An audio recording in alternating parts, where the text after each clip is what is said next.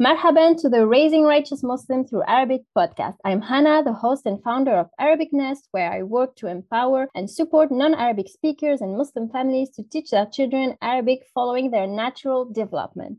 Assalamu alaikum, everyone. And I'm so, so excited because today I have a very special guest that I know everyone is going to be excited about. I have Ines from A Journey with Ines or Fusha for the other ones who know her. So um, Ines is a passionate mother. Um, she's very passionate about children education and morally centered entertainment. And uh, through Journey with Ines, she leads a variety of programs, including her Arabic educational kids show Fusha. So Assalamu alaikum Ines and welcome. Wa alaikum assalam. Thank you for having me. Thank you, Hannah. I'm so, so excited to have you here. Alhamdulillah. I'm excited to be here. Alhamdulillah. So tell us more. I always dive right in. So tell us more about you and your journey with Arabic and Fusha. Uh, did you grow up with Arabic or not? So how, how was it? Alrighty. So um, uh, I'm a mom of two. I um, I love anything that has to do with children education and very passionate about teaching Fusha. And I think that came from my childhood. So, yes, I grew up with Arabic. I am originally Palestinian. I grew up with the Palestinian dialect um, at home, um, but Fusha was always present. It was present through Quran. It was present through um, reading, writing. Um, my parents were very involved in teaching us Arabic, especially my father. Um, so uh, we would always have those like family gatherings where he would uh, we would sit around him he would tell us stories so that always involved fusha it was a mix of like our dialect and Fusha. Um, so yeah, I grew up surrounded by Fusha, and I think I got my love for Fusha and preserving Fusha from my father.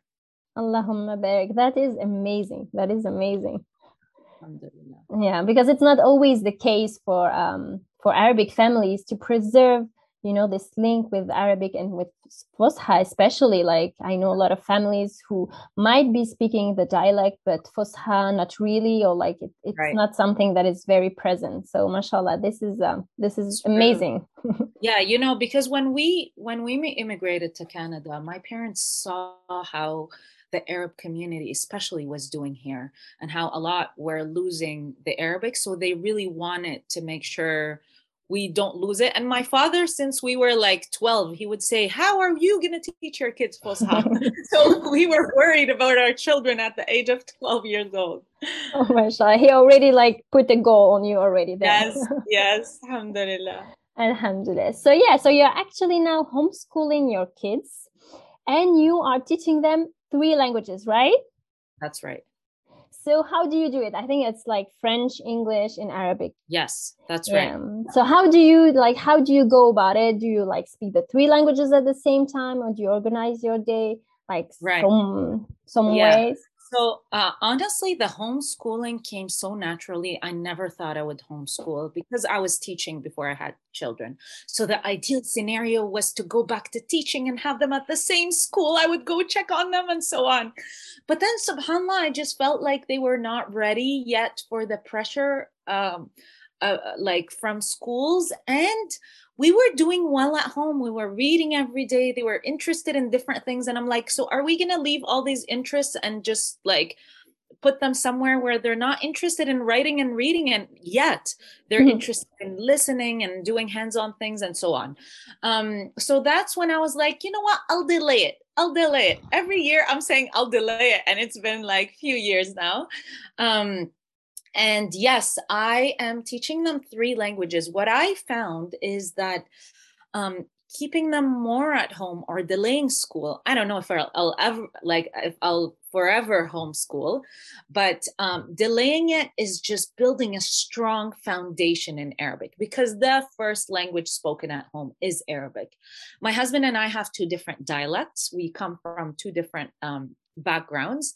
So my Arabic dialect is different from his. So I speak to them my Palestinian dialect. He speaks to them his Algerian dialect. And then I allocate time for Fusha. And that's most of the time through story time where we read books we'll sit and just read a couple of books um, and or playtime pretend play. Like yesterday we had we were pretending we were at a restaurant in jerusalem so i'm like guys they only speak arabic. So they like they were trying their best to uh, you know speak fusha. So pretend play is key. They love it and um and this is when we try to get in some fusha. Now, I um, couldn't ignore the two main languages spoken here in Canada, English and French. English was a lot easier because we're surrounded by the English language. My children right now uh, will sometimes play together in English and and for me i'm like okay they're learning a new language. Am i afraid for arabic? Inshallah no because i know we're we're giving a lot of arabic but the mixing does happen the mixing is there subhanallah. Um, so sometimes my daughter will come to me say something um, in in in arabic and add an english word. So i just repeat it after her in english or in arabic whatever we're speaking. And then the french. So how i split the times? We allocate few hours for one language. So if we said yesterday morning was a French out was the French morning. So from the morning till nap time, was French. So we speak in French. If we're reading anything, we read in French. Or if we're watching anything, we watch in French. Um, now, I would say French is their third strongest. so Arabic and then English and then French. So sometimes they'll come to me and say something in Arabic. I'll just repeat after them in French. It's French time right now. I'm only going to speak in French. So I try my best to stick to it them if they don't know something they can tell me in arabic or in english and um, i'll just tell them what it means in french. So uh, that's how it works. Like this morning is um, arabic in the afternoon is going to be english and so on. Um, so i found this to be the best way just so we don't do a lot of mixing the rule at home is if I speak to you in Arabic, you reply back to me in Arabic. If I speak to you in English, you reply back to me in English. Um, now, there isn't an ideal world where, where the mixing doesn't happen. Me, myself, or my husband sometimes will do the mixing, which we try to avoid, but it's it's being more conscious about it that really um, helps. Now, when they were younger, it was a lot easier because it was Arabic at home.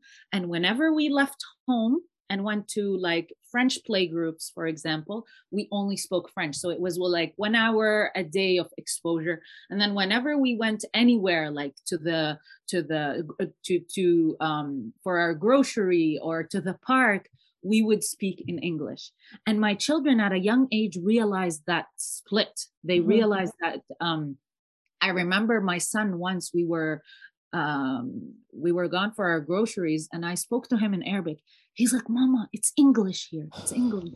so he knew that it was English here and Arabic at home. So that really helped. But then with COVID, and being home most of the time i couldn't um, neglect the english and the french so that's how it's been working for us. Now some days i'm tired i don't speak any language at all i just don't want to talk but i try my best to stick to this um, system and that's the beauty of homeschooling. Some days when you're tired you can take a day off and just not do anything that's fine.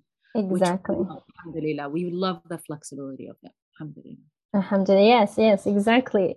So, so actually, yeah, you're not teaching three languages. You're teaching five languages because if you count the dialect, Subhanallah, they're also like another system with another grammar, like rule of gra- grammars and everything. So it's actually yeah. five languages. Do you allocate a time for each of the the dialects also, or is it like you speak in your dialect and your husband in your dialect and that's it? Yeah. So I I don't allocate time because that's a language that we speak at home. Okay. Mm-hmm. It's the most of the time. But then um my my children, I feel like they're better at the Palestinian dialect just because I talk more. yes. Because, Obviously. You know? they yeah. have more input from you. So it's, yeah, it's, it's logical. Son, That's right. Now my son is six and he'll switch. Like he'll go tell his dad something that he just told me in Palestinian dialect, but he'll switch to Algerian dialect. Yes, sometimes there are some mistakes, but you see the switch. Like even how his mouth is well, well changed, subhanAllah. And add to that, my father-in-law speaks uh, Kabyle to the kids. Wow. So the kids are exposed to Kabyle. Now, I am, this was very new to me. Um, it's a different language I don't speak, but they understand it really well, but I think it falls number four. We've been trying to work more on it because I really think um, to connect with their culture, they must speak the language. So, inshallah, things will get better once COVID is a little bit um, less crazy.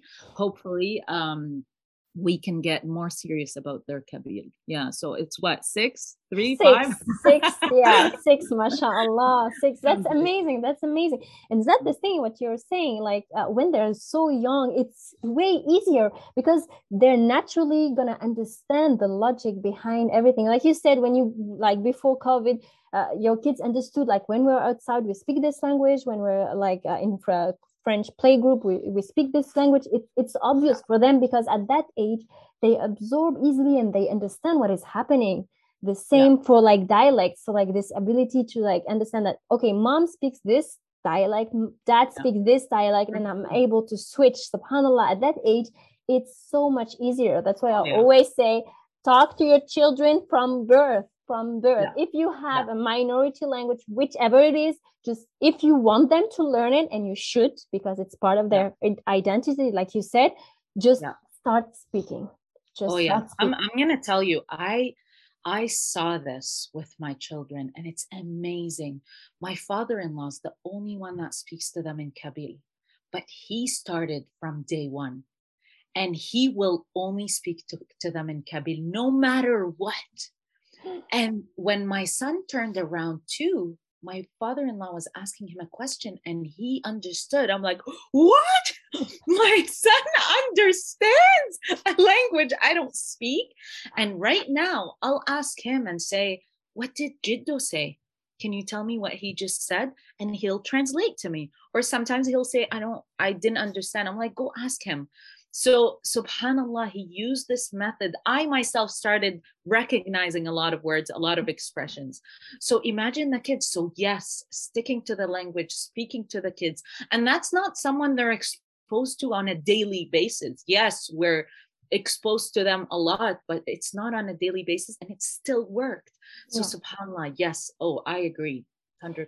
Yeah, because here, like the language, it's a need they need to speak the language so like if he doesn't under, try to understand or speak it like his grandfather is not going to understand him or he's not going to yeah. be communicating yeah. with him so it's really yes. a need like here it's it's it's really that and subhanallah oh, yeah. oh, okay yeah. Very good. So, um, Ines, you're an awesome content creator, and kids absolutely love you.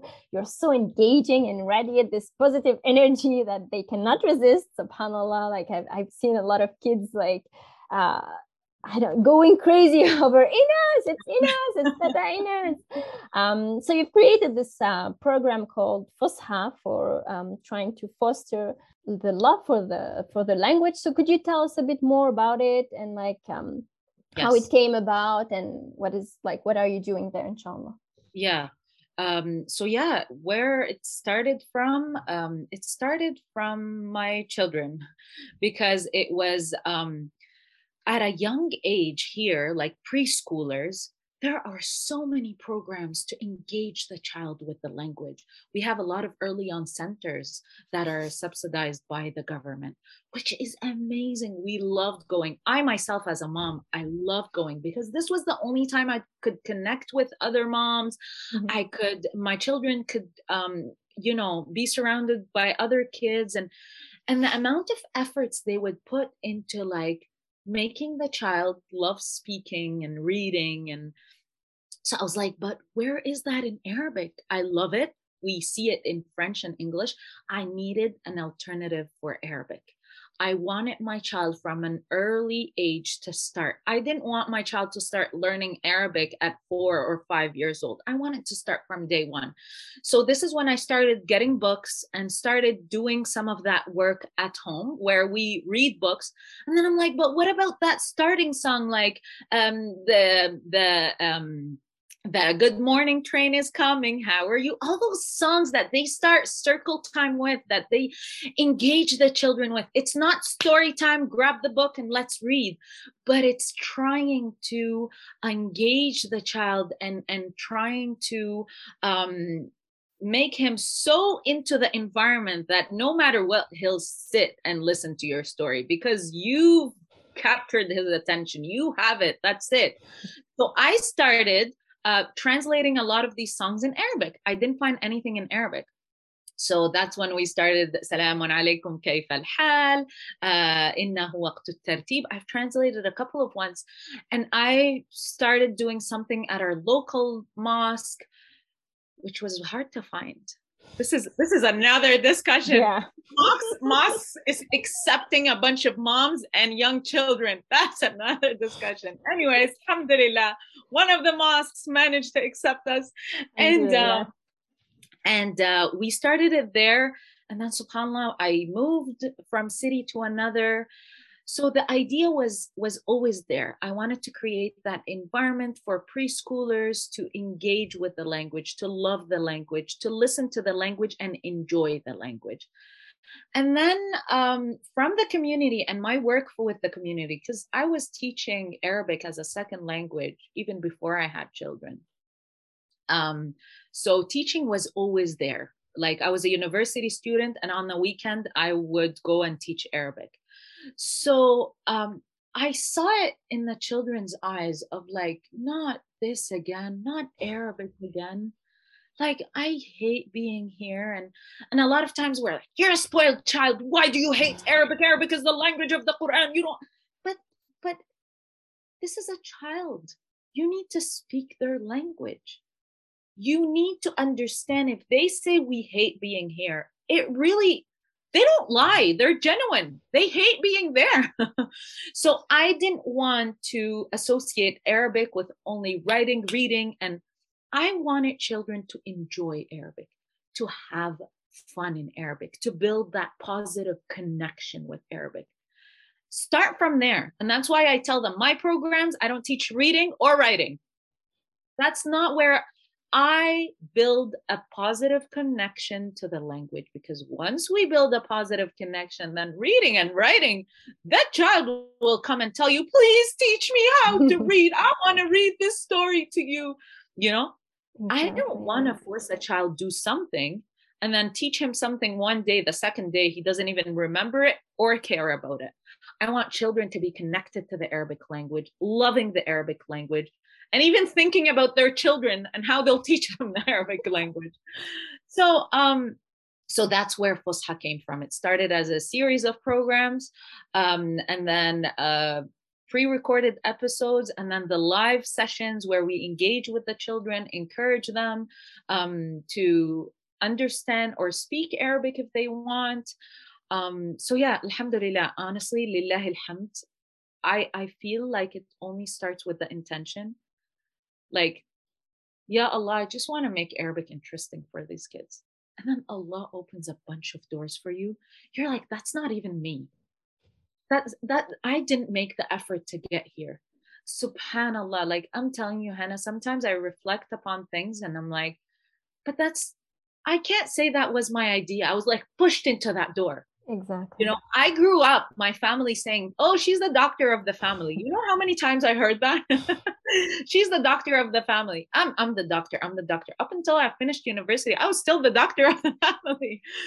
But then I was always teaching on the side, and that side of me was hidden. And yeah, I, I love teaching, but I'm still the doctor. You know, I need to please my parents and be the doctor. I never ended up being the doctor. But um, subhanallah it's just the doors that allah subhanahu wa ta'ala opens for you the ways he puts us in so i could dwell and say oh i never finished uh, sciences and i never could finish doctor, but I could also reflect upon where Allah subhanahu wa ta'ala put me right now and what I'm doing right now. So it's all it's all rizq in different ways. Believe me, it's all rizq. Exactly. In, in the end, you are exactly where you're supposed to be right now, actually, subhanAllah. Uh-huh. You're exactly where you're supposed to be. And maybe even your background in science is something that is actually very valuable to you now to teach your kids at home and everything. Yeah. So so everything, yeah, I, I truly believe in this. Like everything has a a purpose and every person you meet is gonna like have an influence and gonna oh, push oh, yeah. you in one direction or the other subhanallah if we right. let ourselves open to all these possibilities inshallah yeah yeah i agree yeah. mashallah mashallah and so um so you have uh your website it's um fusha my website is journey with ines uh journey, journey with ines okay. okay and then so- through that there is um fusha it was because i do fusha and i do different things under journey with ines i work okay. for different um organizations public libraries so that all falls under journey with ines and then there is fusha okay very good and you or just new recently you open your own youtube channel for yes. fusha fusha online right yes. so everyone go check it on youtube and subscribe your yes. your kids are gonna love and enjoy it i'm sure so yeah so just just go and join inshallah okay yes. very good so thank you so much for sharing all this we're gonna go to the questions now because like yeah. a lot of people had a lot of questions so we're gonna try and and see if we can answer a few of them inshallah um oh. so the first one she was asking how to help my child talk in fusha he always answers me back in english yes so, um, so, yeah. so um, learning a language doesn't come from one day of efforts. It takes a lot of time. It takes a lot of consistency. And I totally understand you because that's what I was facing with my child when I was talking to them in French. And they would get frustrated, like, Mama, my, my daughter would say, adi, like, just speak normally. I just want you to be mama. just speak normally. And and I sat her down and I said, This is for you. You know, your grandma speaks French. She'll appreciate it when you speak her language. Um, you I gave her reasons why we're speaking this language. Your children, no matter how young they are, they understand. So I told her, I know it, it can be hard, but it's just for half an hour. After that, I'll go back to mama normal but then it's just for half an hour and that half an hour i would increase with time. I would increase with time. Now we can do half days in french or a full day in french. So at first it took a lot of efforts where she would be like refusing to reply to me in french. And and it took uh, baby steps. It took consistency. This is not something that happened once a week but we tried to make it more consistent. And with time inshallah, you'll see results, right? So if your child replies back to you in English, so let's say you say, um, هل هل وضعت الحقيبة في مكانها? And then he says, yes, I did. Ah, وضعت الحقيبة في مكانها جميل. Don't show your anger and frustration. Although I know you are feeling angry and frustrated. This is frustrating because we put in so much efforts and we want to see results. But let me tell you, you won't see results right away. It will pay off later, inshallah, not too in too long. But once you see results, you'll wish you did more because it's so rewarding. It's so rewarding, subhanAllah. So just be consistent. Um, don't get frustrated. If you feel like yelling, go to your room, close the door, yell, and then come out with like a smile on. because we don't want to show them that this is we don't want to connect the language with anything. Uh, we don't want to associate the language with anything negative. We want to try our best. Um, so yeah, consistency is key, and start small. Start small and consistency, consistency. Keep doing it, and whatever he says in English, repeat it in Arabic. And inshallah, with time, it will be so worth it. And tell them why they're learning Arabic or why we're trying to learn Arabic yeah, i think this is one of the most important point also because yeah. sometimes we we think our kids don't understand or can cannot understand but they do understand and if we really take the time to to speak to them and and explain it to them they will see it. I know i um this is happening to me with my son because i'm teaching them now english and english is not a need at all for us. We are in france uh, we don't speak english. Nobody's around us speaks english no grandparents like we have no like need for english. But it's a really big desire of us to learn english. And this is by talking to my son i managed to give him this desire of learning english. He will be okay he will be trying even though i'm not making that much effort into teaching english he'll be like trying to make sentences and see like oh this is in english. How do i say this in english? Because i talk to him like a normal person like see english is is useful because if we go to some countries where they don't speak arabic or they don't speak french then english is most common place where we're going to be speaking um, there. So so really it's really important yeah to create this desire if it's not a yes. need. Oh yeah. Oh yeah. 100% i agree. Yeah. Mm. okay so let's go to the next question inshallah. Um how do you balance homeschooling, motherhood, and running a business? Like, what is your secret? I don't. honest, honest truth. honest, honest truth.